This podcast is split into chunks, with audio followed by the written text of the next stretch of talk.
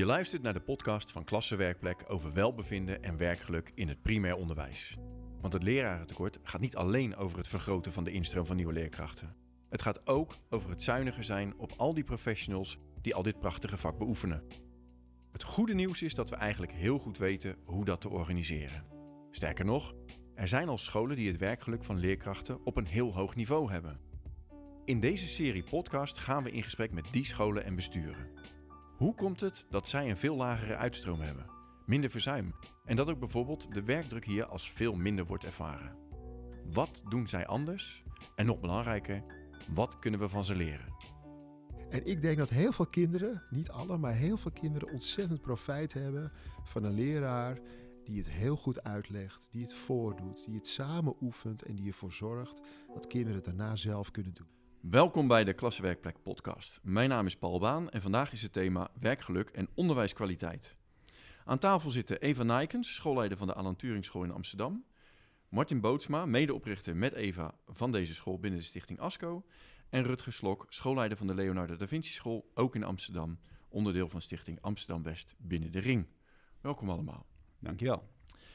Ehm we zijn op bezoek bij de Alan Turing School. En sinds de start van ons onderzoek alle jaren de school met het grootste werkgeluk onder leerkrachten van Nederland. Dus dat is wel even iets heel bijzonders. Precies, dat mag je vieren. Ehm, kunnen jullie eerst even kort omschrijven op wat voor school zijn we hier eigenlijk? Ehm, nou, wat voor school zijn we? We zijn een heel diverse school in het hartje van Amsterdam. eh, met een divers team en eh, diverse populatie leerlingen.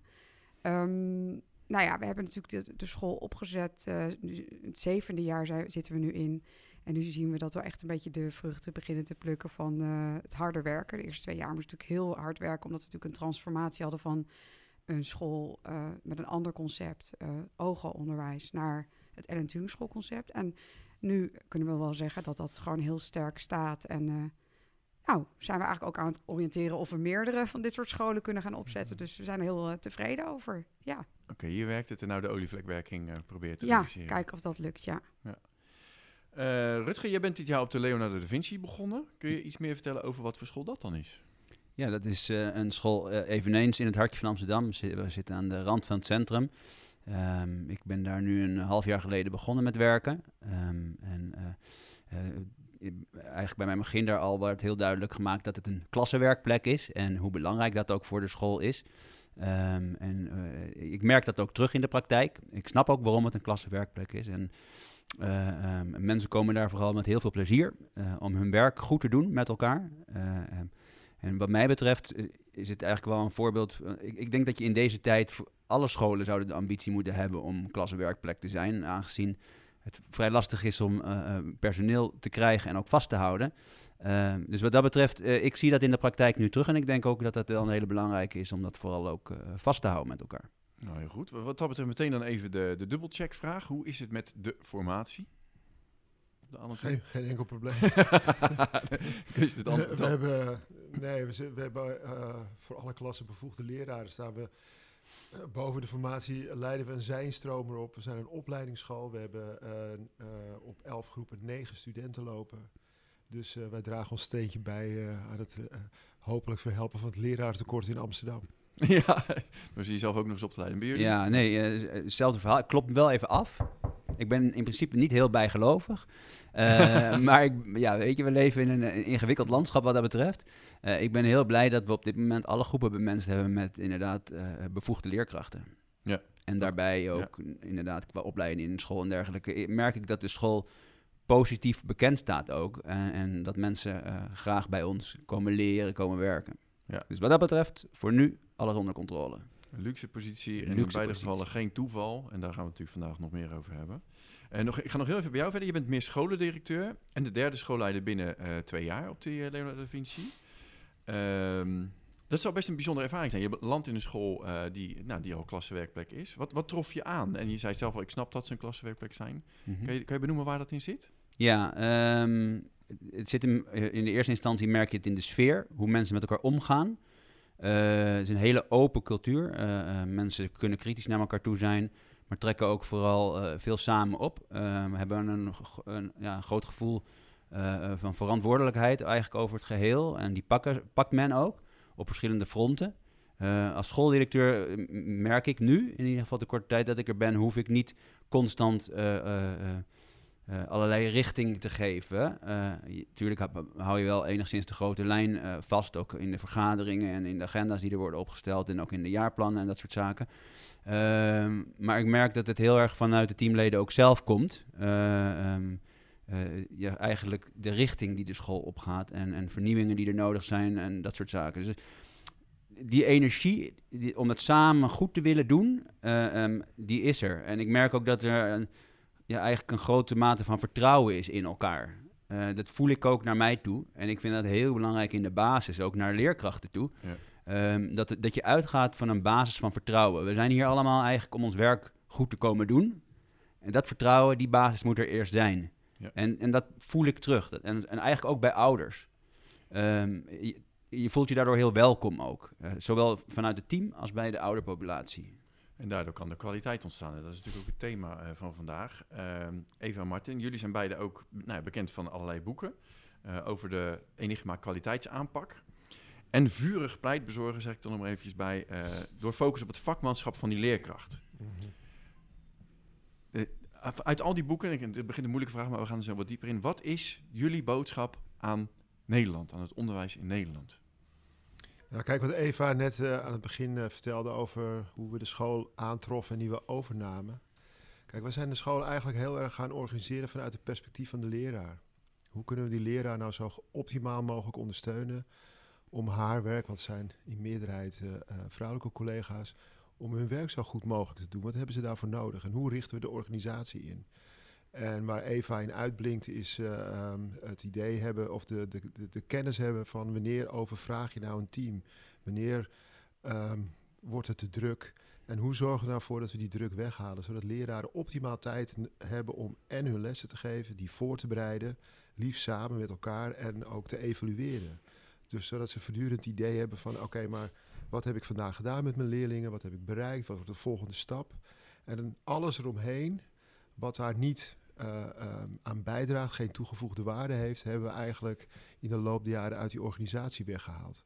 En dat zorgt ervoor dat leraren zich gewoon heel erg goed kunnen focussen op, eh, op, op de kern van hun werk, namelijk mooie en goede lessen geven. En dat is al ingewikkeld genoeg eh, in, in, in deze superdiverse stad met heel veel verschillende leerlingen en kinderen. We hadden laatst een schoolleider op bezoek. Eh, meer gewend aan wat meer homogene eh, populatie. Die zei, goh, wat moeten de leraren hard werken? Ja, onze leraren hebben de ambitie om zoveel mogelijk kinderen zover mogelijk te krijgen. En die halen alles uit de kast in de lessen om dat voor elkaar te krijgen. Dus die werken in die klassen heel erg hard. Hoe zorg je ervoor in de organisatie omheen dat die leraren rust hebben om vervolgens naar die lessen te kijken, na te denken, wat wordt de volgende stap? En dat, ik denk dat dat een deel van, eh, van het succes is van onze school. En dat, dat is ook eigenlijk als we in het land komen, eigenlijk al voortdurend vertellen aan mensen. Stroomlijn de organisatie, leg processen vast, borg het vooral heel goed. Er wordt heel weinig geborgd in het Nederlands onderwijs. Kennis raakt kwijt. Nee, dat willen we niet. We willen dat, ehm, dat hier gewoon een school staat die over twee, vijf, tien jaar nog op dezelfde manier door, dat, eh, door Amsterdam marcheert. Ja, ik ben het helemaal met je eens wat je daar zegt. Ik, ik vind het ook belangrijk dat wij eh, als schooldirecteur of schoolleider, hoe je het noemen wilt, eh, heel erg bewust zijn van onze faciliterende rol eigenlijk. Eh, wij moeten ervoor zorgen dat de leerkracht zijn of haar werk op een prettige manier kan uitvoeren. En inderdaad die focus kan hebben op, op het lesgeven en goede lessen neerzetten. Ehm, en ja, dat is voor, voor mij heel belangrijk in mijn werk. Goed te weten welke leer- leerkracht is waar mee bezig. Waar loop je nou tegenaan? Waar heb je hulp, ondersteuning, begeleiding of wat bij nodig? Eh, eigenlijk inderdaad om ervoor te zorgen dat de leerkracht zijn of haar werk gewoon prettig kan doen. Ja, Er hoort kennen. ook bij, vind ik wel, een goede eh, onderwijsondersteunend personeel. Hè? Dus eh, denk aan administratieve kracht, de, de- een goede intern begeleider die echt goed ervoor zorgt dat het hele zorggebeuren ook goed loopt op zo'n school. Dat dat dus niet ook op het bordje van leerkrachten komt voor een deel. Ehm, ja, we moeten er gewoon voor zorgen dat die leerkracht echt lekker zich kan focussen op dat lesgeven. Precies wat, eh, wat hij zegt. Even, ik ga er ook nog even naar jou, want ik wil dit ook, ik wil hier ook op, eh, van jou hier een antwoord op. Ik heb uit het boek even gehaald. Binnen de- onze aanpak speelt de leraar de belangrijkste rol. Dat is eigenlijk wat Martin net ook al zei, wat ik jou ook hoor zeggen, Rutger. Ja. Want goed onderwijs staat of valt bij de kwaliteit van de leraren.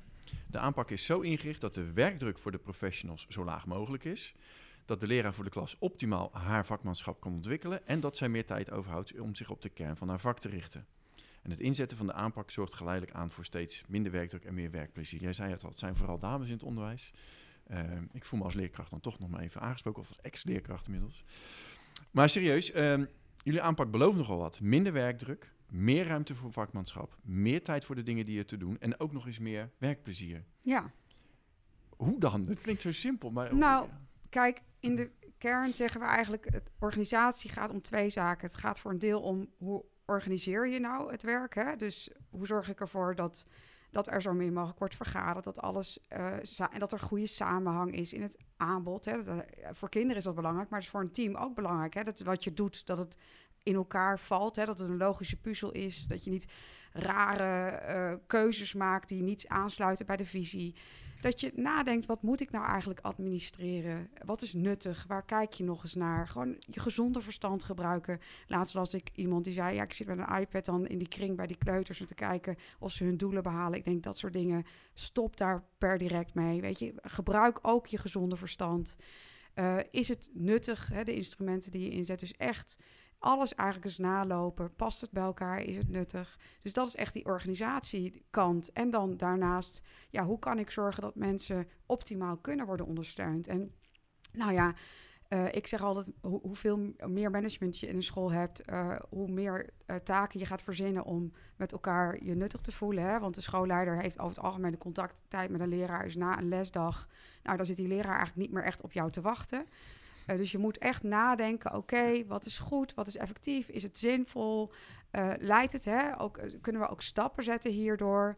En ik zie dat leraren zichzelf eigenlijk heel graag wel willen ontwikkelen. Dus dat, dat, dat is natuurlijk heel mooi om te zien. Maar soms moet je natuurlijk ook even op de rem stappen van joh, het is nu al erg veel. Dus ik, ik probeer echt een beetje te zorgen dat de doelen van de organisatie en het draagvlak van het team, draagkracht van het team in balans zijn met elkaar.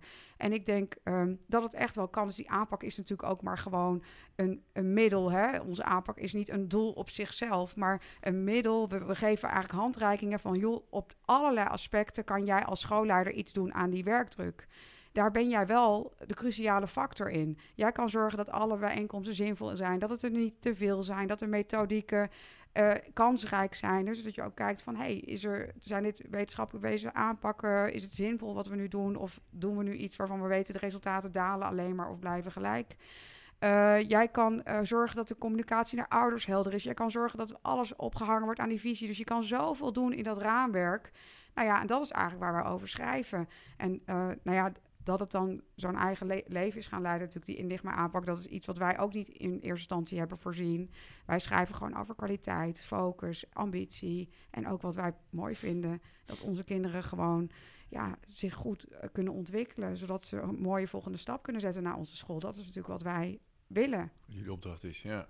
Kwaliteit, focus, ambitie. Ik hoor je ook zeggen de ontwikkelmogelijkheden van leerkrachten eh, ja. eh, zien. Ehm, mensen begeleiden op hun ontwikkelpad en zorgen dat ze zichzelf niet overvragen. Rut had het al over het vertrouwen naar mensen toe. Jij bent meer scholendirecteur. Wij zagen zeker eh, bij een aantal edities dat meer scholendirecteuren gedwongen worden om wat meer bij het team te leggen. Dus meer op dat organisatorisch aspect kunnen focussen. Denk je dat dat schoolleiders dwingt om wat meer al volgens zo'n aanpak te werken? Ja, ik denk het wel, ja. Je moet eh, heel, heel eh, voorzichtig omgaan met je tijd, om het zo te zeggen. Eh, dus dat betekent dat de tijd die je eh, uitgeeft in de school moet gewoon effectief en goed zijn. En inderdaad, qua organisatievorm, je kan niet constant overal maar bovenop zitten en, en, en, en, en aansturen. Je moet die verantwoordelijkheden delen binnen je team. En ehm, wat ik inderdaad ook jou zeggen, even hoor zeggen, ehm, eh, een hele belangrijke wat mij betreft, hoe organiseer je het? Dat het een samenhangend geheel is. Hè? Dus eh, vanuit kernwaarde, missie, visie, verhaal. Ehm, dat je eigenlijk de overlegmomenten die er zijn, dat die ook in het verlengde daarvan eh, gevuld worden. Eh, ehm, als het gaat om de activiteiten, ontwikkelingen, en vernieuwing op school. Ehm, een leuke die wij op school bijvoorbeeld ook hebben, is we hebben, wij werken met vergaderlunches. Dus het is, we hebben een langere middagpauze, wat het mogelijk maakt om de vergaderingen eigenlijk onder lunchtijd te doen. Eerst is er natuurlijk wel even tijd voor een kopje koffie en een hapje en een drankje. Maar daarna hebben we vergaderingen. Wat ervoor zorgt is dat we na schooltijd geen vergaderingen meer hebben, maar de tijd hebben om de dag van morgen goed voor te bereiden. Nou, dit vind ik wel een heel mooi voorbeeld van in ieder geval hoe het eh, voor leerkrachten qua organisatie ook prettig aan kan voelen. Focus op lesgeven en les voorbereiden. Dat is eigenlijk je kerntaak, toch? Dat lijkt me wel, ja. Dat lijkt Ja, mij als ook, leraar, ja. Nou, ik wil ook nog op in. Kijk, het is als schoolleider je taak om ook te, na te denken: wat zijn nou de hobbels eh, waar mijn team, eh, eh, die mijn team gaat ontmoeten?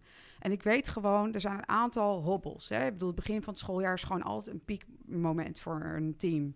Dan heb je de informatiemoment met je ouders, je hebt de kennismakingsgesprekken.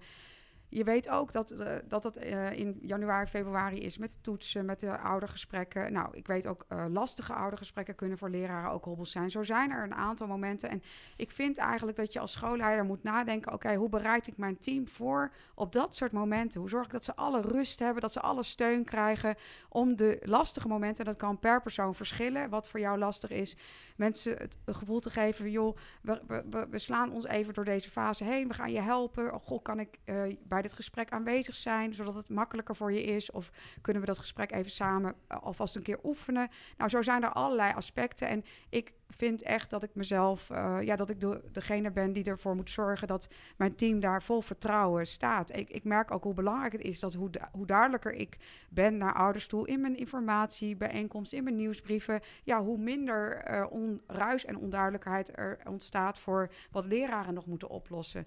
En ik denk dat dat echt de primaire taak van een schoolleider is. En eh, ik vind ook dat schoolleiders eh, ja, ja, dus minder met hun eigen stokpaardjes en dingetjes bezig moeten zijn wat ze zelf leuk zouden vinden, maar zich echt dienend moeten zouden ze- zetten aan van oké, maar dit is de weg die het team heeft ingeslagen. En dat vind ik heel mooi om van jou te horen. Dat je zegt, ja, ik kom hier nu, ik, ik, ik kom op een rijdende trein. Natuurlijk wil ik die trein verder brengen, maar het is niet dat ik mijn eigen... eh, dat het per se weer mijn eigen kant op moet gaan. En dat zie je toch best wel vaak, waardoor schoolconcepten heel erg gaan zwalken. Ja, en dan merk je dat er grote onvrede en onrust binnen teams ontstaat. En dus dat ontsporen van die trein kan die schoolleider ook een hele grote rol in spelen. En dat moet je eigenlijk ten alle tijden zien te voorkomen. En, eh, en dat vind ik dus echt mooi ook aan, jou, aan jouw verhaal. Dat je dat echt ziet wat die school doet. Hoeveel er is opgebouwd eh, door jouw voorgangers. Eh, en eh, dat je dat voort eh, wil zetten. Want het is echt, het onderwijs is iets waar je steeds op moet voortborduren. Ja. Je moet niet steeds het wiel opnieuw moeten willen uitvinden. Dat is waar mensen zo eindeloos moe van worden. Ik kom wel eens binnen teams, dan vertellen leraren me... ik werk hier nu 20 jaar, voor de vierde keer maak ik nu mee... dat ik een cursus EDI krijg of in- instructie. Ja, dat gebeurt meer dan je denkt. Ik vind dat we Mm. iets kap- ons kapot voor moeten schamen. Daarom worden, raken leraren zo uitgeput Maar en Ja. zit- dus- gedemotiveerd. Daar zit, daar zit wel een, een keerzijde aan, hè? want het is eigenlijk, eigenlijk bijzonder dat jullie als schoolleiders dat bewaken, terwijl het eigenlijk, als je een hele duidelijke visie hebt als school, een hele duidelijke missie, zouden leraren dat moeten bewaken. Die zouden moeten zeggen, als er een nieuwe schoolleider komt, schoolleiders kennen ze, die zeggen, ja, ik wil een mis, eh, eh, eh, een missie-visie-traject in. Die zeggen, nee, We hebben een hebben dit staat missie. duidelijk. Tenzij het team vindt dat daar behoefte aan is. Ja, maar, eh, maar als je een uitgekristalliseerde visie op onderwijs hebt Ja. eh, en die staat als een huis en eh, het marcheert, dan is het, vind ik het bijzonder Ja. dat, dat, dat, en dat gebeurt inderdaad veel te vaak. En Ja. er, er worden allerlei processen weer ingevlogen, weer, wordt weer opnieuw gedaan, precies zoals de Eva Ja. zegt, omdat er dan vervolgens onvoldoende geborgd wordt. En ik denk, en dat heeft ook wel te maken met, eh, met de emancipatie van de leraar, die zouden daar echt wat krachtiger in mogen zijn ja, als de team. MR. MR kan Ja. daar een rol in Ja. spelen. Ja, maar ik denk ook als je ergens nieuw komt werken, dat je er in principe van mag uitgaan dat eh, datgene wat er daar op school gebeurt, dat er goed over nagedacht Ja. is door het team. eh, De professionals daar. En de, de- de- de grote fout zou zijn om binnen te komen daar. Nou jongens, we gaan het eens even helemaal anders aanpakken. Ik vind ook dat je in de eerste instantie moet uitgaan van er is hier goed over nagedacht. Er ligt hier een, een, een- een verhaal, een kernwaarde, missie, visie, een onderwijsconcept. eh, wat volledig het uitgangspunt is. En tuurlijk ga je daar in de loop der tijd met je team lekker mee aan de gang. En, en Dat evalueert verder- zich vanzelf, want dat verbeter je steeds. Ja. Maar toch, eh, die onrust die er in het onderwijs is, heeft toch te maken met dat het borgingsaspect sowieso onder Ja. eh, weinig aandacht en waardering krijgt, vind ik. Terwijl dat echt, vind ik, een van de mooie. Ik zeg altijd, is, je gaat iets invoeren, dat is, dan ben je eh, als het ware helemaal enthousiast over die nieuwe aanpak. Het is net alsof je een nieuwe partner krijgt, zeg ik altijd. Dan ben je helemaal wild van elkaar. En, maar ja, uiteindelijk blijf je natuurlijk niet zo wild van elkaar. Moet je eh, ook met elkaar verder. En dat is een, een nieuwe methode of methodiek is een beetje hetzelfde. in het begin leer je die kennen en denk je, oh, wat interessant, oh, die middelen, oh, dit en dat. is hard werken. Oh ja, nou ja, die, die resultaten gaan altijd natuurlijk iets minder hard omhoog dan je had gehoopt. Maar zo, hè, want methode, methodieken zijn geen wondermiddelen. Dat is uiteindelijk altijd de kwaliteit van de leraar. Dat is ook evident. Maar ja, dan moet je dat dus, ja, eigenlijk moet je die methode invoeren alsof het je je leven lang uh, alsof je daarmee gaat werken. Nou, zo wordt, er gewoon, zo wordt dat gewoon helemaal niet aangevlogen. En dan, dan zit hem dus de kwaliteit van de methode, zit hem in het laatste 20 procent. Dat, en dat iets dat je dan eigenlijk dat jaar in jaar uit moet goed houden, moet warm houden, dat je nieuwe mensen moet invoegen. Ja, dat is ook iets wat je in schoolleidersopleidingen bijvoorbeeld helemaal niet leert. Eh, je leert eigenlijk meer van wie ben ik en uh, nou ja, een soort ontdekken van uh, wat je eigen persoonlijke belangstellingen en interesses zijn en hoe jij het liefst wil verhouden tot je team. Terwijl ik denk, geef mensen gewoon hands-on hulp en instructie. Zo voer je goed een aanpak in. Dit, let hierop, borgen. Nou, let op dat je nieuwe medewerkers hebt, dat die ook goed die aanpak want anders krijg je weer homeopathische verdunning in je school waar je niet op zit te wachten. En dan doe je het over vijf jaar nog een keer opnieuw. Dus uh, ja, nou ja, sorry, ik moet het even. Homeopathische vernieuwing, hè? Ik heb altijd even begrepen dat het vooral ligt uh, in de opleiding voor schoolleiders in verandermanagement. Ja. En dat krijg je dan. Die komen op een school en die denken, ik moet iets veranderen. Ja. Terwijl eigenlijk je moet leren hoe je dingen verbetert. Ja. Hoe, ja, de staat, de staat bestendigt. Ja. Precies, ja, en dat, dat ontbreekt. En heel vaak is er heel veel niet slecht. hè? Er wordt, ik, bedoel, ik kom ook niet op school. Ik denk, ik kijk gewoon, wat staat er hier eigenlijk al goed en wat kunnen we behouden? En, uh, nou, en dan, ik zeg ook altijd, doe één ding aanpakken. Want het mooie zit hem vaak in het verbeteren van dat ene ding. Dan, dan zien leraren dat, dat dat kansrijk en hoopvol is. Hè? De, manier waarop je dat doet.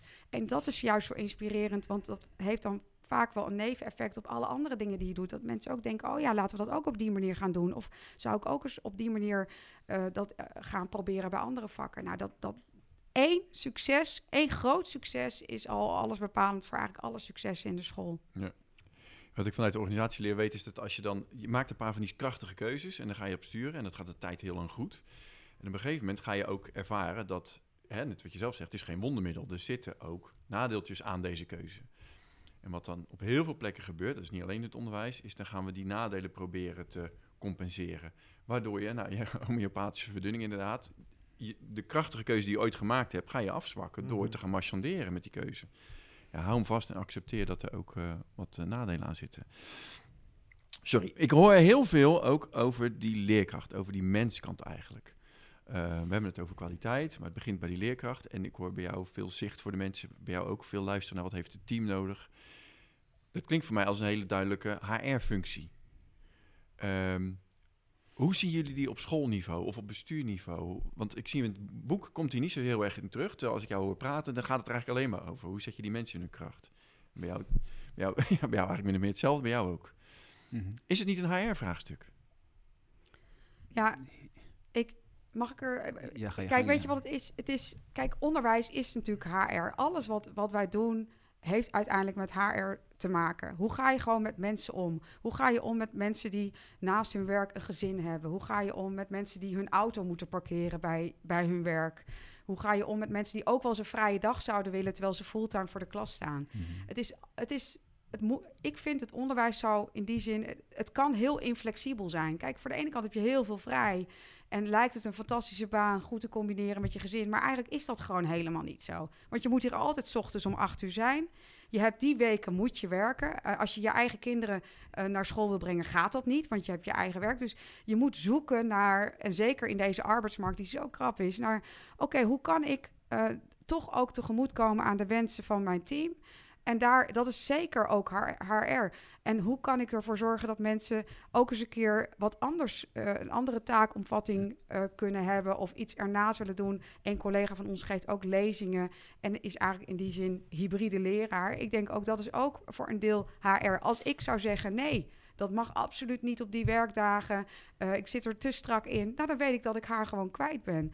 En ik denk dat, dat het onderwijs uh, juist een heel eh, complex HR-vraagstuk heeft. En daar veel goed over zou moeten nadenken. Maar dat het onderwijs ook eerlijk moet zijn. Ja, dit is ook onze kerntaak, lesgeven. Ja. En het is niet de bedoeling dat je het gevoel hebt, ik ben gaaf als ik uit die klas ga, of ik ben geweldig als ik directeur word. Het is gewoon een school, het is een klein bedrijfje waar we allemaal hands-on moeten doen om, hè, als ik een wc-rol uit een verstopte wc moet drukken, dan moet het gewoon gebeuren, bij wijze van spreken. We kunnen, ik kan niet zeggen, nee, nu niet, want ik heb een andere functie. Ik, uh, ik ga dit nu niet doen, ik heb daar geen zin in. Het is gewoon het werk wat moet gebeuren, moet gebeuren. Dat moet worden verdeeld op een eerlijke manier.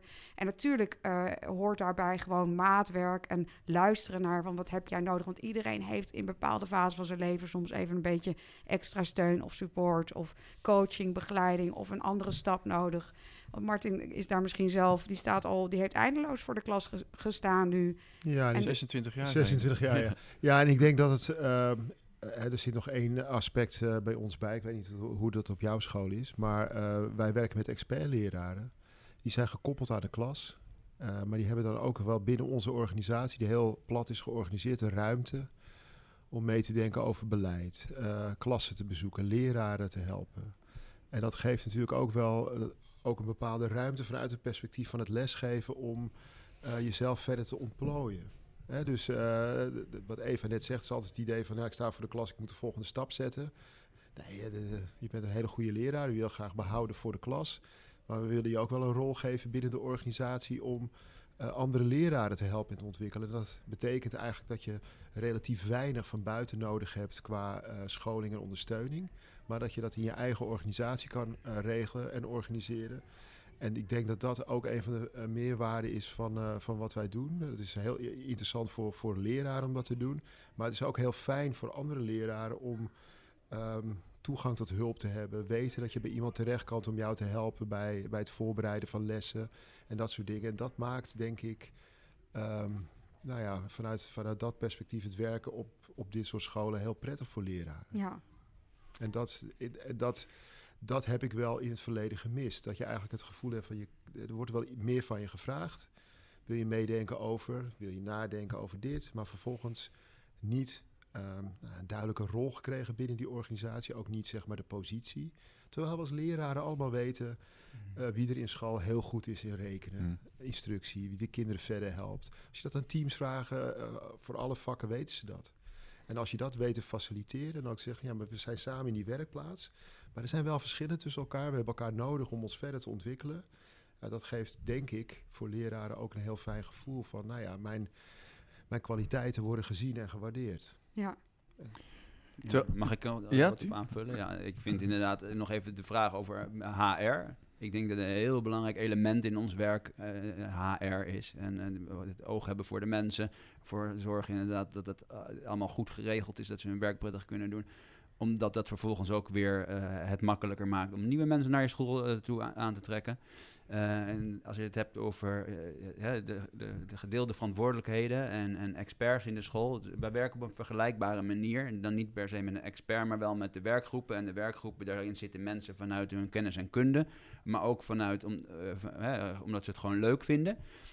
maar die, werkgroepen die krijgen echt het mandaat en, en de ruimte van een team om daarin keuzes te maken. En, en, en met goede voorstellen richting een team te komen, van waaruit ook weer eh, de mensen in, die in zo'n werkgroep zitten, die, die klassen in kunnen en, en, en leerkrachten daarin kunnen helpen en begeleiden. Dus ik vind het heel belangrijk inderdaad ook wat jij zegt, leerkrachten, uh, de een is heel goed op het gebied van rekenen, de andere is heel goed op het gebied van sociaal-emotionele ontwikkeling, noem maar even wat. Uh, um, laat die mensen dan daarin een voortrekkersrol vervullen in zo'n school en geef ze daadwerkelijk ook de ruimte om um, daarin ook echt die verantwoordelijkheid te kunnen dragen op schoolniveau. Uh, ik, ik, denk dat dat een hele effectieve manier van werken is. Ja, en wij spreken natuurlijk in ons boek niet echt over HR, omdat wij spiegelen gewoon een organisatie uh, in onze beleving, hoe die organisatie goed functioneert of kan functioneren. We geven daar ingrediënten voor. En het is evident dat daar supergoed werkgeverschap uh, bij hoort. Hè, dat is gewoon logisch. Eigenlijk wel. En ja. ik vind dat ja, jullie echt, gaan ervan uit. Ja, dat ik ga er gewoon ja. van uit. En ik vind ook dat het uh, bijzonder teleurstellend, of de, de, de, fase waar we in beland zijn, uh, zitten we ook met elkaar zijn we daarin beland. Hè? Doordat we vergeten zijn dat het uh, belangrijk is dat die leraar makkelijk kan parkeren bij zijn werk.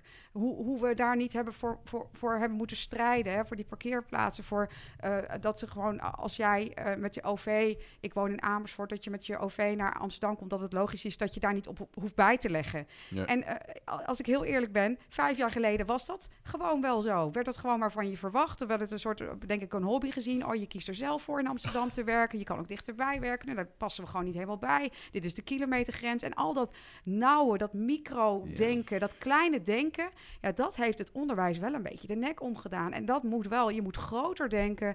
De leraar is de kern, de, de kwaliteitsfactor in het onderwijs. En eh, die moeten we zo goed mogelijk maken, maar ook helpen. Dat, eh, het hoeft natuurlijk helemaal niet eh, betuttelend te zijn. Het is een professional. Nou, zie school gewoon als een... Ik zeg ook, het is een bedrijf. Ja. Er gaat flink wat geld in om. En dat bedrijf moet gewoon goed draaien. En ik ben niet anders dan daarin dan een bank. Of een verzekeraar. Terwijl die lui altijd veel luxere, mooiere ingerichte Ja. gebouwen hebben... en beter klimaat, noem maar op. Oké? Ja, dat de terzijde. directeur. Er zit, wel, er zit wel een overeenkomst in. Als het misgaat, dan eh, eh, redt de overheid eh, de organisatie. Ja, dat is wel zo. Ja. Nee, maar ik, ik bedoel, maar we zijn gewoon niet. zijn- Het is geen speeltuin. Het wordt hier professioneel gewerkt. En zo wil ik ook professioneel HR-beleid. Ja, en, en daarbij zeggen jullie allemaal, het gaat erom dat je, de, dat je ziet wat die leerkracht zelf aan talenten meeneemt, aan kwaliteiten meeneemt, dat je daar wat mee doet. Terwijl juist op het HR-vlak zijn er heel veel systemen. Er zijn CIO's, er zijn normjaartaken, nou, verzin het allemaal maar allemaal om dat dicht te regelen.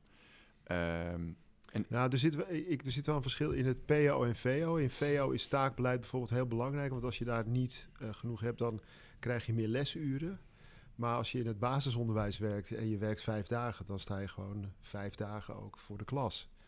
En wij denken, ja, het taakbeleid en dat heel erg dicht regelen doen we eigenlijk ook niet. Daar hebben we eigenlijk een heel eenvoudig systeem voor. nee, maar Ja. dat is precies. Ja, ik, vind, ik wil er ook heel eenvoudig mee omspringen. Ik, ik zeg echt tegen de mensen altijd, we hebben hier gezamenlijk een klus te klaren. Ja. En eh, als jij er af en toe zes uur voor nodig hebt en jouw collega acht uur, dat kan me allemaal niet zo heel veel schelen. Ja. Eh, we hebben gewoon samen een Ja. klus te klaren. We komen hier om kwaliteit neer te zetten. En dat gaan we samen doen. ja. Eh, Nou, in sommige dingen hoor ik wel eens en dan begin, spatten de tranen wel uit mijn ogen hoor. Want dan hoor je bijvoorbeeld dat leraren in de vakantie wordt gezegd: je moet die dagen terugkomen. Terwijl ik denk, je kan ook zeggen: ik verwacht gewoon dat je de klas eh, netjes inricht. ja. En doe daar, neem daar je tijd voor. Het zal mij echt een beat zijn wanneer, je dat doet. je dat doet. Ja. Whatever, Ik ja. bedoel, je bent Of een je- je hebt- professional. Je hebt de uren van je Ja. normjaartaak nog niet vol, dus jij moet in de Sinterklaascommissie. Weet je, als er Nee. iets het onderwijs Nee. de nek om heeft gedraaid, dus ook dat normjaartaken, dat je, ik zie mezelf nog zitten en dan moest ik uitleggen eigenlijk dat die 40 of 42 uur gewerkt werd dan 6, 38 uur gewerkt. Ik weet niet wat mensen allemaal verzonnen hadden, maar het was allemaal, het was allemaal, het klopte allemaal. Hè? Dat zeggen die beleidsmakers nu nog steeds tegen elkaar, denk ik wel eens. Terwijl je voelde alles aan je hele lichaam. Dit gesprek gaat zo moeilijk. Dit is niet oké. Maar toch deden we het allemaal. En ik heb het ook gedaan. Ik heb daar gewoon spijt van. En ik vind het gewoon... eh, je werkt gewoon, je komt naar je werk, je doet je werk goed. Ik hoef helemaal niet te weten. Je hoeft maar ook niet Nee. afspraken van... als jij een keer een middag eerder weg moet. Je bent gewoon een professional. Dit is jouw vak. Zo is Ja, het. Toen dit die- is jouw Toen klas. die 40-urige werkweek in de CAO werd vastgelegd, heb ik mijn eh, lidmaatschap van de vakbond opgezegd. omdat ik daar gewoon zo boos over was. Ik wist al, het is eigenlijk in de praktijk niet uitvoerbaar. Hm. Maar eigenlijk wordt er, wordt er van jou eh, iemand gemaakt die zijn uren moet verantwoorden. Ja. Terwijl iedereen aan tafel Ja. weet, leraren eh, zijn professional, die weten precies wat ze moeten doen om te zorgen dat aan het Ja. begin van het schooljaar alles klaar staat. Eh is Eva noemde net die piekmomenten. Ja. Vertrouw nou op die professional. Ja, je Het- woord hebben Ja, gebruikt Rutger in het dat begin ook. Ja. voor mij de Ja. kern. Dat, Ja. Tuurlijk. Ja. Want ik wil even een stapje maken weer naar dat thema, die onderwijskwaliteit. Dus de systemen die we zien om te zorgen dat het HR redelijk dichtgetimmerd is, wat dan averechts werkt, die missen we eigenlijk als het gaat om onderwijskwaliteit. Ehm, er lijkt een soort nou ja, vrijheid van onderwijs te zijn, die ook vrijheid van, nou, hoe ga ik lesgeven? Eh, dat vind ik lastig te begrijpen. Hoe, eh, ik, zie Martin, re- die wil reageren. Martin kan het wel even uitleggen hoe het zit. Hoe zit dit nou? Wat is er nou aan de hand? Nou ja, kijk, je kan het vanuit verschillende eh, posities benaderen. Maar ehm, eh, ik, ik, ik denk dat het belangrijke is om, ehm, om te beginnen. Kijk, je, je hebt een bepaalde eh, eh, mate van vrijheid in het onderwijs. Hè? De, de overheid gaat over het wat en wij gaan in de praktijk over het hoe. En als je dat hoe vanuit welk perspectief ook invult, is één ding heel belangrijk. Namelijk dat je dat allemaal op je school doet, gezamenlijk, in een doorgaande lijn. Dus als je het hebt over de autonomie van de leraar, die op persoonlijk vlak denkt van ja, maar dit wil ik in mijn klas doen, dan zou ik zeggen, nou dat is, lijkt mij niet verstandig. Hè? Die autonomie komt bij ons na de standaard. Dit zijn de afspraken, zo werken wij op onze school. Dat zal voor jouw school precies hetzelfde zijn. Dit zijn onze aanpakken, dit zijn onze methodieken en daar werken we mee. En achter die standaard aanpakken zit nog zoveel ruimte voor een leraar om keuzes en afwegingen te maken. Te kijken, naar, kijken waar die groep uh, staat, de keuzes in, in, in het materiaal wat je erin gebruikt. Maar aan de andere kant denk ik ook wel, we weten zoveel uit onderzoek van wat zou kunnen werken. Ik zeg met nadruk kunnen werken. Ik mis wel eens op scholen uh, uh, die effectieve aanpakken terug. Van hoe geef je nou goed leesonderwijs? Hoe zorg je nou voor dat kinderen uh, aan het eind van groep 8 uh, naar verwachting op, uh, op de referentieniveau zitten. Wat, wat zet je daarvoor in? En um, nou ja, dat vind ik wel eens lastig. Maar zou dat een soort compensatie zijn voor het feit dat soms zie je dus die balans tussen dat schoolleiders veel meer sturen op je moet er zo laat zijn, zoveel uren moet je aanwezig zijn en je mag niet voor half vijf naar huis. Mhm. En dan gaan, laten ze dat hele onderwijs, inhoudelijke aspect vrij. Dus dat, daar zijn dan weer nauwelijks afspraken over, of over gedrag, uh, wat, hè, dat stroomlijnen. Terwijl dat eigenlijk belangrijk Terwijl is. Terwijl dat eigenlijk belangrijker is. Als ik kijk van wat doen wij, wij zitten veel meer op die kant, op de inhoud van het onderwijs stroomlijnen. En eigenlijk die organisatiekant, de kaders zijn allemaal perfect geregeld. En hè, alles wat we kunnen doen om die leraar comfortabel te maken, doen we. Maar van de andere kant zitten daar ook super veel vrijheid in. En eigen keuzes. En, en, en laten we de leraar daar heel erg in los. Dus dat is het grappige. Ik heb het gevoel dat die disbalans enorm is. En misschien wel als een, dat, dat mensen te veel op dat organisatiestuk zitten. Wat, wat wij dus ook wel doen, maar dan veel breder. Denk dat gestandardiseerd dan? Ja, en gestandardiseerd, maar wel met dat er ook veel ruimte is en, en dat ze dat hele onderwijs inhoudelijke stuk vrijlaten. Dat er vaak hoor je niet aaneengesloten aanpakken, dat er niet een dooronderbroken leer, uh, een, leerproces is wat uh, doorloopt hè, van groep 1 tot en met 8. Dat er verschillende methoden of methodieken worden gebruikt door soms verschillende leraren. Dat nieuwe leraren uh, niet worden in, goed worden ingevoegd. En dat zijn juist de zaken die zoveel energie zuipen van zo'n slurpen van zo'n leraar. Gedrag is echt met stip op één de reden waarom gewoon zoveel tijd vermorst wordt in het onderwijs. En daar speelt die schoolleider weer een cruciale rol in. Gisteren sprak ik nog uh, twee leraren die zeiden even... nou, we doen precies hetzelfde met jullie in de gedragsaanpak. Nou, toen zeiden we, laten we de verschillen eens tegen elkaar aanhouden. En toen zeiden, uiteindelijk was de conclusie dat de schoolleider... ja, het toch lastig vond om leerlingen die dan echt bij haar worden werden neergezet even voor een gesprekje. Ja, het vond zij toch lastig om daar wat streng te zijn. Ging ze het heel snel vergroeilijken richting die leraar. Ja, dan, toen zei die leraar ook, uh, of tegen die leerling, toen zei die leraar ook, ja, dan zijn wij eigenlijk verloren. Ja, dan zijn, wij niet gesteund uh, dan in komen we, Precies, dan komt die leerling terug met een gevoel van, ja, nou ja, zie, uh, het is niet mijn fout, dat vond de directeur ook niet. En nou, dan ben je, ben je als team weg.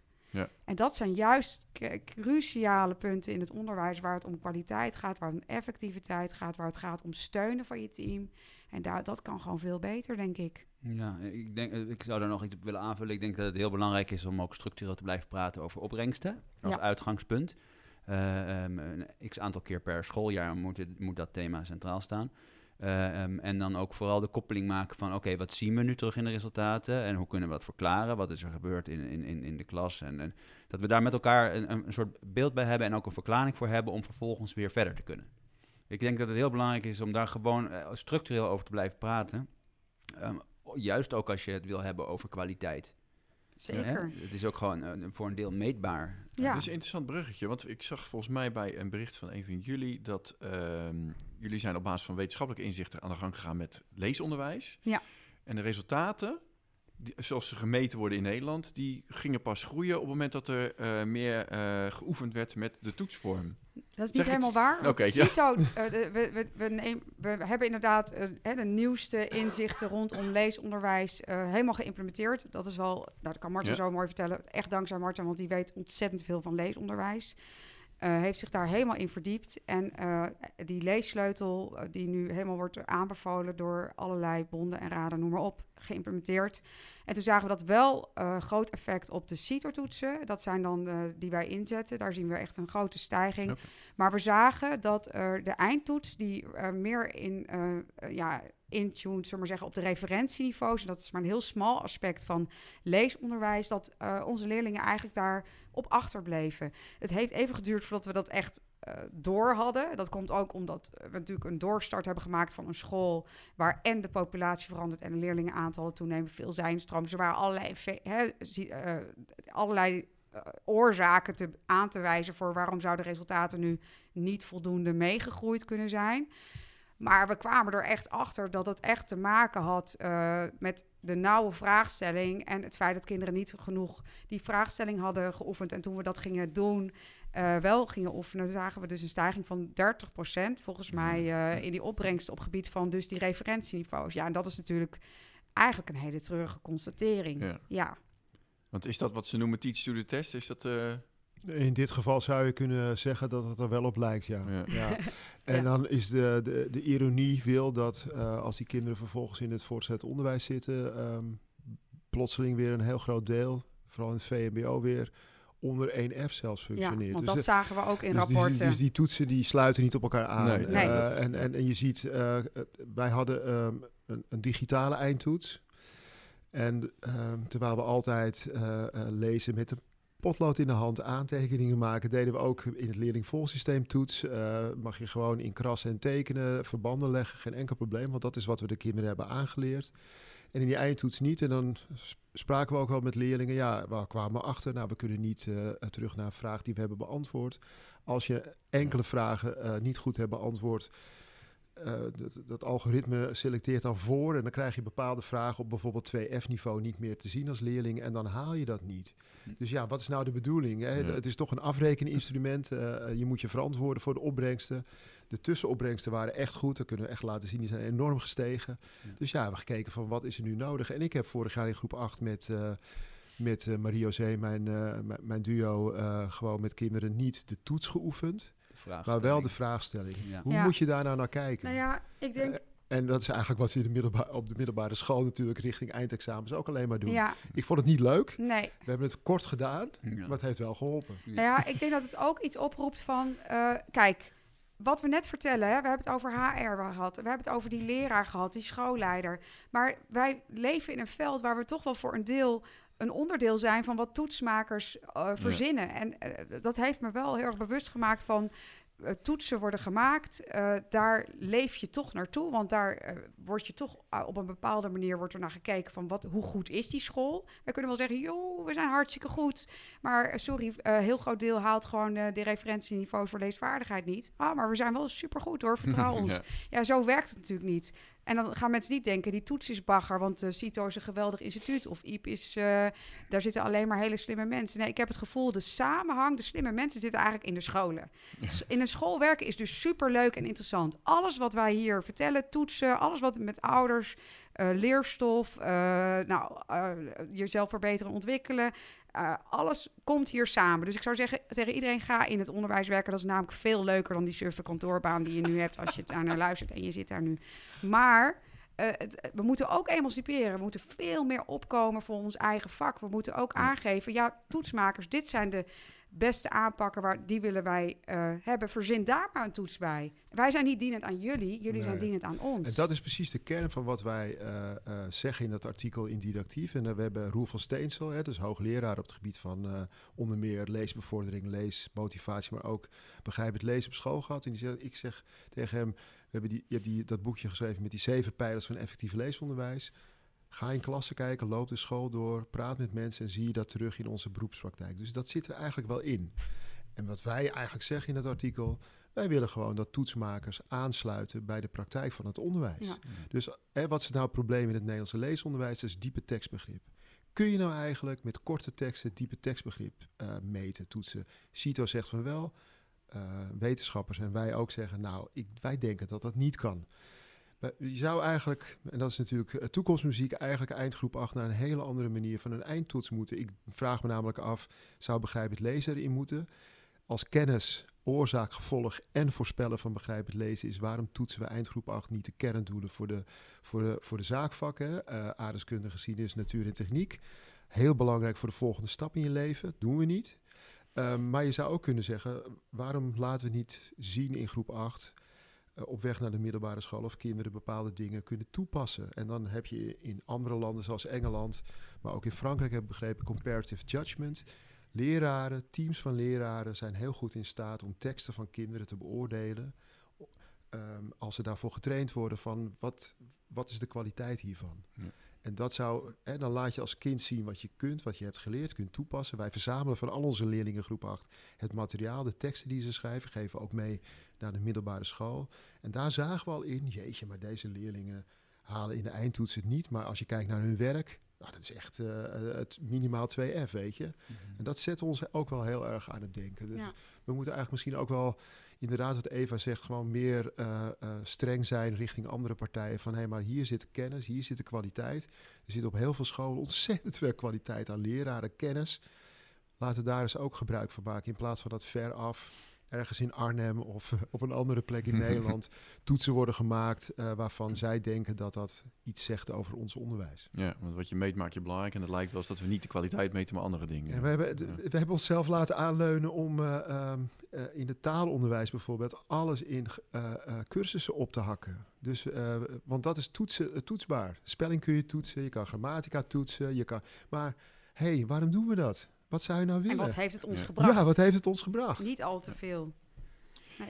Ik moet uh, bijna naar een eind toe gaan. Ik ga jullie zo allemaal vragen om een gouden tip. Maar ik wil daarvoor nog één ding aankaarten. En dat is uh, de, de, polariteit in die onderwijsdiscussie over kwaliteit. Dus uh, herneem weer EDI als voorbeeld. het lijkt wel eens, zeker als je Twitter een beetje volgt, mensen zijn heel erg voor of heel erg tegen. Terwijl het is een gereedschap wat je in kunt zetten in een setting waarvan je moet weten wanneer wel, wanneer niet. Wat is de kracht, wat zijn eventueel de zwaktes. Waar komt die polariteit vandaan en hoe lossen we dat op? Hm. Dat is natuurlijk een hele moeilijke vraag. Zeg dat wel, ja. ja. nee, maar ik, net wat, wat Martin ook zegt. Er zijn heel veel leerkrachten met heel veel kennis, heel veel specialisme doorontwikkeld. Als we die nou eens op een of andere manier belangrijk kunnen maken... en goed gaan luisteren naar de specialisten... zoals jij ze bij jou op school ook hebt, uh, Rutger. Um, en beseffen dat ieder specialisme een, een context heeft. Mm. En voor een andere context pak je een andere specialist erbij. Maar benut elkaars kwaliteit in plaats van elkaar zo af te fakkelen. Nee, dat is wat het is inderdaad. Maar ik vraag me af, je hebt het over een polariteit in het land. Ja. Kijk, op schoolniveau um, en binnen je stichting kan je daar misschien invloed op uitoefenen. Uh, althans, vanuit mijn rol op dit moment. Um, uh, ik, hoe, ik, hoe wij er volgens mij op de Leonardo da Vinci school naar kijken... is niet zo van dit is goed of fout wellicht zitten er wel goede elementen in waar wij binnen ons onderwijsprogramma en manier van werken wat mee kunnen. Uh, en, en, zo keken we eigenlijk in zijn algemeenheid naar, naar alles wat op ons afkomt. En past het binnen hoe wij willen werken? Past het binnen ons uh, kernwaarde, missie, visie verhaal, in ons concept? Ja, en, dan kunnen we er misschien wat mee, mooie elementen eruit halen. Nee, dan doen we er ook vooral niks mee. Maar hoe je nou daar op landelijk niveau... Want, ja, daar, daar heb ik heb het over de samenleving. Ja. ja, daar heb ik even geen, geen antwoord op. Nee. Nee, dat is een moeilijke. Nee, ik, ik zou het ook niet weten. Ik denk dat het, dat het ook een beetje bij het onderwijs hoort. Ik denk dat het ook al een hele oude discussie is. Volgens mij, en dat kan Martin beter uitleggen, dat, dat gaat al heel lang terug. Dus ik denk, ik vind het lastiger dat kinderen de, de, de dupe ervan zijn. Mm. En uh, uh, kinderen verdienen gewoon goed onderwijs. En het, het gaat niet om wat ik wil of wat ik vind. Het gaat erom dat we kinderen succesvol kunnen laten zijn. En ik, uh, nou, mijn middelste zoon ging net studeren, gaat net studeren. En dan die universiteit doet alle taaltoetsen nog eens dunnetjes over. En dan denk ik, goh, er zit in het hele systeem, is er geen vertrouwen meer dat, um, dat wij, dat kinderen de volgende stap kunnen maken. Ja. Dus gaan dat nog eens een keer opnieuw uh, uh, doen, checken. En dan zijn kinderen dus, ja, vind ik de dupe van wat wij nu met elkaar aan het doen zijn. Hè? En uh, terwijl er zoveel bewijs is voor wat werkt. En natuurlijk ja, zijn er heel veel kinderen die helemaal daar geen last van hebben, want die komen er wel. Martin zegt altijd zo mooi, die komen lezend de baarmoeder uit. Maar laten we het doen voor de kinderen die, het, die er niet komen. En laten we eigenlijk daar zeggen, laten we dan toch maar dat een beetje inperken. En, en bepaalde concepten werken gewoon absoluut niet. Want dat is ook duidelijk. En, en zouden we daarvoor dan toch misschien de vrijheid van onderwijs iets verder moeten inperken? Ik weet niet of dat vrijheid van onderwijs is, maar ik denk ja. dat bepaalde concepten, nu mag alles. En je ziet het ook weer stranden. Ja, je hebt toch uh, ouders doen naar en, in goed vertrouwen eigenlijk hun kind op een school zetten. Hun, uh, en realiseren zich misschien niet altijd daar de gevolgen van. En die kunnen echt een groot zijn voor kinderen. in sommige Ja. situaties. En die kinderen krabbelen niet op. En dan zegt iedereen, je kan toch zo makkelijk doorstromen of opkrabbelen? Nee, heel veel kinderen kunnen niet opkrabbelen in ons systeem. En natuurlijk wel de kinderen van de ouders eh, die de weg wel weten te vinden. Ja. Eh, Dat, wel, zie, dat zie je bij doorstromen heel sterk. Hè? Dan, eh, stromen, dan zie je percentages doorstroom. Maar als je kijkt welke kinderen in het middelbaar onderwijs doorstromen... en ik citeer nu Herman van der Werfhorst die er onderzoek naar heeft gedaan... zijn het vooral kinderen uit gezinnen die de weg weten te vinden. Dat zijn toch mensen in de hogere zes. Dan komt het uiteindelijk toch met hun kind goed. Terwijl eigenlijk je moet ervoor zorgen... dat ik bedoel, we kunnen eindeloos discussiëren over brede brugklas... maar dat heeft totaal geen nut als we niet zorgen dat de basis in het basisonderwijs Ja. verbetert. En ik denk dat er heel veel... Ik bedoel, er is geen enkele evidentie dat leerpleinen toegevoegde waarde hebben voor het leren van kinderen. En toch zijn er heel veel scholen die dat hebben. Eh, ik, eh, Erik Meester hield vorige week op PICA-congres een heel een interessant praatje over curriculum, curriculumontwerp. En die zei iets heel interessants. Die zei van al die digitalisering in het onderwijs, al die Chromebooks, die computers die erin zijn gekomen, het enorme geld. Is er ooit wel eens een school geweest? Is er wel eens gekeken landelijk of dat geleid heeft tot betere resultaten, tot beter onderwijs? Als je dus nu die NPO-gelden hebt, dan zou je dus eigenlijk moeten kijken van waar zijn ze voor ingezet Hm. en heeft dat on- tot onderwijsverbetering geleid? En dan zou ik zeggen, ja, op die scholen wel, die hebben die aanpak gedaan en dat. Maar ik kijk aan de andere kant, hè, even over het EDI-model. Dat, dat, dat gaat al terug tot, eh, eh, als ik het goed heb begrepen, tot in de Romeinse tijd. Het is toch heel simpel. Je wil iets leren. Ik heb, er is iemand die is expert. Daar mag je van uitgaan. Die doet het voor. Die helpt jou. En die haalt langzamerhand de begeleiding weg, zodat je het zelf kan doen. Dus Ja, net als leren fietsen, leren En dat, ja. en ik vind, ik vind het heel bijzonder dat je denkt dat kinderen eh, eh, op een andere manier goed zouden en makkelijk zouden kunnen eh, leren lezen. Er is, hè, is wel ik, ik spreek wel eens mensen en die doen het dan voorkomen. Het zijn meestal de hoger opgeleide mensen die doen het voorkomen alsof zij zelf hebben leren lezen. Die zijn vergeten hoeveel mensen ze hen hebben geholpen om zo ver te komen. En ik denk dat heel veel kinderen, niet alle, maar heel veel kinderen ontzettend profijt hebben van een leraar die het heel goed uitlegt, die het voordoet, die het samen oefent en die ervoor zorgt dat kinderen het daarna zelf kunnen doen. En natuurlijk zijn kinderen, die pikken het heel snel op. Daar bedenk je iets anders voor. Maar bijvoorbeeld bij goed leren rekenen, goed leren lezen, heel veel leren van de wereld om je heen, heb je gewoon iemand nodig. Heb je heel veel vakmensen in scholen nodig die kinderen daarbij helpen. En ik vind dat lastig. eh, als we doen alsof kinderen dat eh, zelf eh, zich eigen zouden kunnen maken.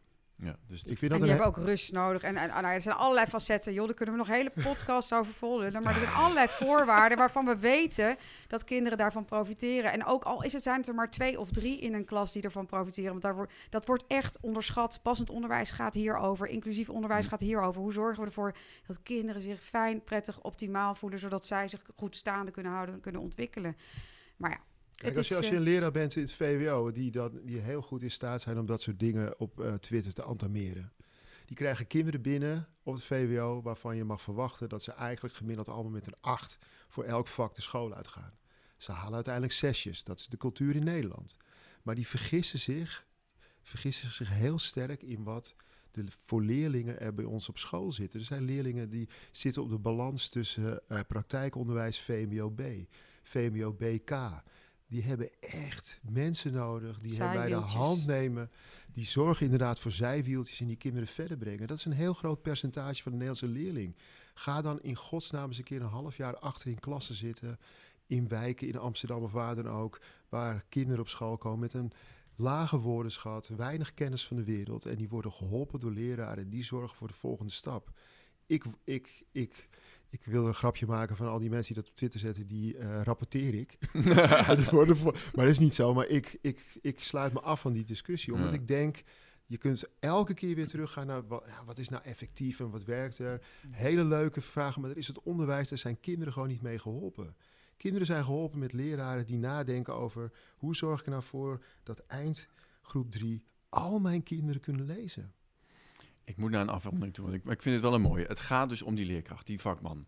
Daar, daar zijn ten jullie- behoeve van die leerling. ten behoeve van de leerling, precies. Dat staat buiten kijf, ja. En wij zien in ons onderzoek eh, dat op het moment dat er wordt gestuurd op de vakmanschap, dat die leerkrachten ook beter in hun vel zitten en dat draagt ook weer bij aan de kwaliteit. Ik wil graag van jullie één tip, als het kan, één concreet, waar elke school morgen mee aan de gang ga- kan gaan om dat vakmanschap van die leerkracht belangrijker te maken en verder te ontwikkelen. Wetende dat ze daarmee gelukkiger zijn en dus voor deze prachtige sector behouden blijven. Een hele concrete. Martin heeft er een. Een hele eenvoudige, concrete tip is dat je je school zo organiseert. eh, en ik begrijp eh, van jou, Rutger, dat je dat ook doet. Dat leraren tijd hebben om samen, onderstreep samen, hun lessen voor te bereiden. En praten over wat ze doen in de klas. Ja, mooi. Zeker. Ehm, daarop aanvullend wat mij betreft, eh, zorg ervoor dat je als schoolleider in ieder geval goed zicht hebt op de mensen. eh, op de kwaliteit die ze met, met zich meebrengen. En dat je mensen op, eh, op die kwaliteit aan kan spreken. En ze op basis daarvan een rol geeft, een belangrijke rol geeft in je school en in je ontwikkeling en in, in binnen het team. Ja. Dat, dat, ik vind het heel belangrijk om, ja, om in, in mijn rol echt de mensen te kennen en te zien voor wat ze zijn, eh, voor wat ze meebrengen naar school. En ze ook op, daarop aan te spreken. De mensen achter de leerkracht. En, Ja, ja. ja. en wat ze, ja, nogmaals, eh, de kwaliteiten die ze meebrengen. Mooi. Ik ga er drie geven. Snel. Sorry. Zorg dat je nooit uren telt als schoolleider. Hm. Doe dat niet. Wees nooit een micromanager. Alsjeblieft, doe dat niet. En drie, lach ongelooflijk veel met elkaar. Dus zorg ervoor dat er gewoon lekkere koffie is, goede lunch, dat er gewoon humor is. Want humor is de, ha de Haarlemmerolie in elke organisatie. Nou, ja, dat lijkt me, dank je. dat lijkt me een hele mooie, mooie afsluiting voor vandaag. Dank eh, voor jullie bijdrage aan de podcast. En eh, nou, heel veel succes waar, waar jullie mee bezig zijn. En wij gaan proberen dat nog steeds meer in het zonnetje te laten staan. Jij ook, hè, Paul, want jij bent ook met iets moois bezig. Ja, helemaal eens. We gaan ermee door. Dankjewel. Dankjewel.